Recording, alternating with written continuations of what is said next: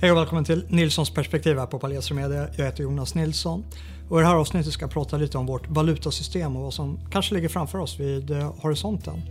Men eh, först lite vad som händer här på Palestran. Vi har följt upp med två nya reportage. Det ena handlar om den statligt finansierade propagandan som vi måste konsumera på SVT. Och det andra reportaget är mer i linje med det här avsnittet och kommer handla om vårt valutasystem, våra banker och hur eh, sedelpressen går i full fart och eh, hur vi belånar vår kommande generation. Och vill ni hjälpa oss i vårt arbete så kan ni göra det på något av donationsalternativen här bredvid. Men eh, innan jag börjar med dagens avsnitt så ska jag ta en kopp kaffe.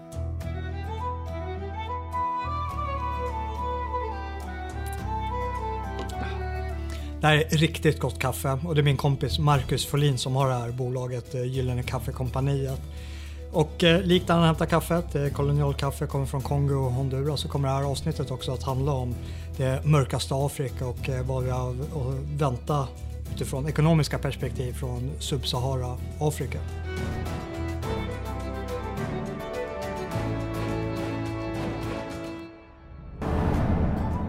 Det finns några fundamentala fel med vårt valutasystem.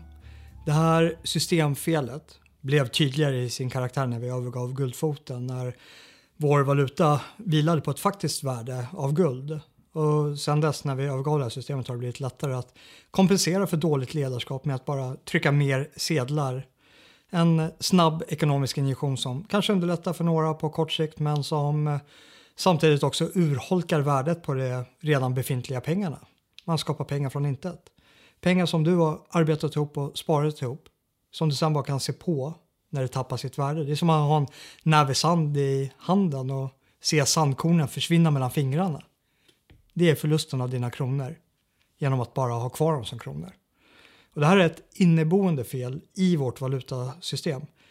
Att det existerar en konstant värdeminskning av våra pengar. Dina surt förvärvade kronor blir mindre värda för varje dag som går. Det blir en kamp att bara behålla värdet av sina pengar där det enda du kan veta med säkerhet är att om du har kvar dina pengar i kronor så innebär det att du kommer att förlora värde över tid. Och det kan gå snabbt. Och då det här är ett inbyggt fel i systemet så spelar det egentligen inte heller någon roll vem det är som bestämmer. För kursen är redan lagd. Enda skillnaden mellan olika ledarskap är hur snabbt den här spiralen går neråt. För alla systemfelen kommer fram tydligare och snabbare med ett korrupt och undermåligt ledarskap. Och som svensk eh, regimkritiker så kan det nog vara svårt att se att det skulle finnas något land som har ett sämre politiskt ledarskap än den Löfvenska regeringen i det här avseendet. Speciellt nu när riksdagen också klubbar igenom eh, e EUs eh, coronastödspaket som kommer att skuldsätta svensken i generationer. Men det finns värre exempel än Sverige och det finns gott om dem. Bland annat i Subsahara-Afrika där Folin hämtar sitt kaffe. Och en sak som verkligen kännetecknar ett dåligt ledarskap är att de eh, ganska snabbt accelererar på den här värdeminskningen av sin egen valuta genom just sedelpressen. Pressen går på full fart för att täcka upp korruptionen och för att paradoxalt nog infria vallöften om en bättre ekonomi. Eh, och i det här avseendet så är nog Zimbabwe att betrakta som ett eh, skolboksexempel på det här fenomenet. Subsahara-länderna har sina kvaliteter, men att förvalta och administrera de allmänna institutionerna och valutasystemet, som brukar vara en värdemätare för hur det går för ett land, ja, det är inte deras starka sida.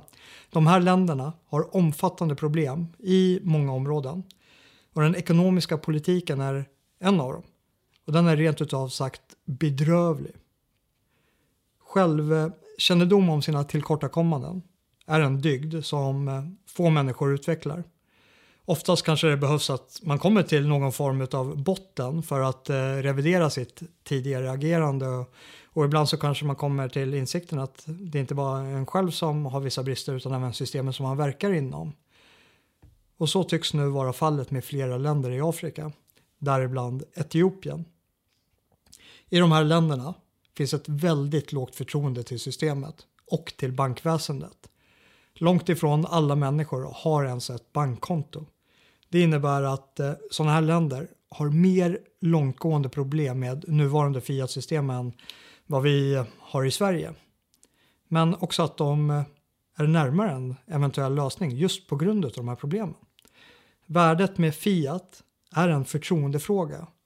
Och finns det inget eller ett väldigt lågt förtroende, ja, men då blir det också enklare att kunna ta till sig något nytt som inte medför samma korruptionsmöjligheter som det här centraliserade systemet där en ledning är i kontroll som med bara en knapptryckning på pengaskaparmaskinen kan minska värdet på det du har i plånboken genom att bara tillföra mer pengar i omlopp. En eh, blockkedja som utgör en kryptovaluta kan inte manipuleras på det sättet. Det finns ingen central aktör som kan minska värdet på till exempel bitcoin genom att bara skapa nya bitcoins från eh, tomma intet. Och Etiopien är ett av de första subsahara-länderna som nu kommer att eh, lägga delar av sitt valutasystem på entreprenad till en decentraliserad kryptovaluta som de själva inte kan förstöra likt de har förstört sin egen valuta. Och det är andra afrikanska länder som är hack i hall som kommer följa efter Etiopien i det här avseendet. Och det rör sig om kryptovalutan Cardano, ADA, som kommer att eh, kunna användas som ett framtida officiellt betalmedel. Och det här ska inte förväxlas med en framtida e-krona som bara kommer att vara samma gamla Fiat-system men som är helt digitaliserad. Det är alltså från askan in i elden när vi kommer till eh, kontrollfrågan rörande Fiat-systemet. Och det är inte vad det handlar om här med Cardano och ADA. Och här finns det också en del kritik att rikta mot eh, kontantupproret. Det finns helt klart en viktig aspekt med kontanter. Att eh, kontanter bidrar till en minskad kontroll och övervakningsmöjlighet av medborgarna över hur de väljer att förvalta sina pengar. Men problemet med kontanter är att de fortfarande är en del av det här Fiat-systemet som har det inneboende felet i sig. Och eh, våra makthavare är i kontroll över våra kontanter oavsett vad vi har dem på kontot eller inte. Och det kommer, eh, kontanterna kommer att tappa värde när de startar den här sedelpressen, vilket som är på gång hela tiden. Det är därför mycket mer lovande att kunna säkra upp sina tillgångar i ett decentraliserat valutasystem som inte kan manipuleras av makthavarna. Det är ett starkare motstånd mot den nuvarande utvecklingen att kunna hänge sig till parallella system som är bortom makthavarnas direkta kontroll än att fortsätta vara under deras kontroll genom att hålla fast vid vår eh, elits 1.0 i Fiat-systemet med eh, kontantupproret eh, och om det kontantlösa samhället är 2.0 och e-kronan sen är att betrakta som ett 3.0 i Fiat-systemet. Att kunna ställa sig vid sidan av, i den mån som det är möjligt, är ett väldigt bra sätt att hävda och värna sin egen självständighet. Bara en sån här sak att vi är i opposition. Vi är regimkritiska journalister och det föranleder att vi ibland blir utsatta för en extrem repression och det gäller inte bara Kina, Ryssland, USA utan det är även i Sverige. Regimkritiska journalister blir av med sina bankkonton som i fallet med eh, Fria Tider som jag rapporterat om tidigare. Det finns stater som låser oppositionellas tillgångar. Och det är inte bara Kina heller, utan det är i Europa, Österrike med Martin Sellner.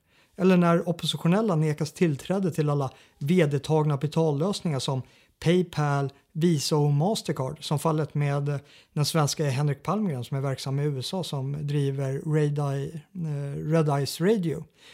Eller när det i Amerika betraktades av etablissemanget som landsförräderi att stödja Snowden ekonomiskt och eh, kontona stängdes ned. I alla de här fallen så kan man fortfarande skicka kryptovalutor för det är bortom statens kontroll. De kan inte hindra transaktionen eller ta din kryptovaluta ifrån dig. Och det gäller oss alla i varierande utsträckning att kunna säkra våra egna tillgångar så att de inte kan godtyckligt ryckas ifrån oss. Våra banker trakasserar redan nu vanliga medborgare med stöd av penningtvättslagen. Och för att få lite andrum i det här storebrorssamhället så kan det vara bra att kunna säkerställa egna vägar att kunna föra över resurser till den som man vill föra över resurserna till. Just det här är ett väldigt allvarligt och reellt hot mot alla i förlängningen. Men just nu främst mot regimkritiker oavsett vilket land det gäller. Det kan lika gärna vara USA som Ryssland eller för sådana som oss regimkritiker här i Sverige. Så jag uppmanar därför er till att gärna utforska den här kryptovalutavärlden om ni inte redan är bekant med den sedan tidigare. Och en bra första ingång till kryptovärlden är att eh, registrera ett konto på videoplattformen Odyssey som drivs av en eh, egen kryptovaluta som heter LBC. Och jag lägger en länk till Odyssey i beskrivningen här under. Vi på Palestra Media, vi finns på Odyssey och det gör en hel del andra kanaler också som har ledsnat på den här rådande censuren och eh, avmonetiseringen på Youtube. Och eh, jag kommer nog återkomma i eh, en framtida video som berör det här ämnet och sammanställa en lista med konton som är värda att följa på Odyssey. Men innan dess, kika gärna in på Odyssey innan ni går till Youtube och kolla om ni inte det ni vill se redan finns där. Så kan vi sakta men säkert börja lämna det här politiskt censurerade delen av internet. Och med det sagt så vill jag tacka för att ni har lyssnat och så syns vi på Odyssey till eh, nästa avsnitt.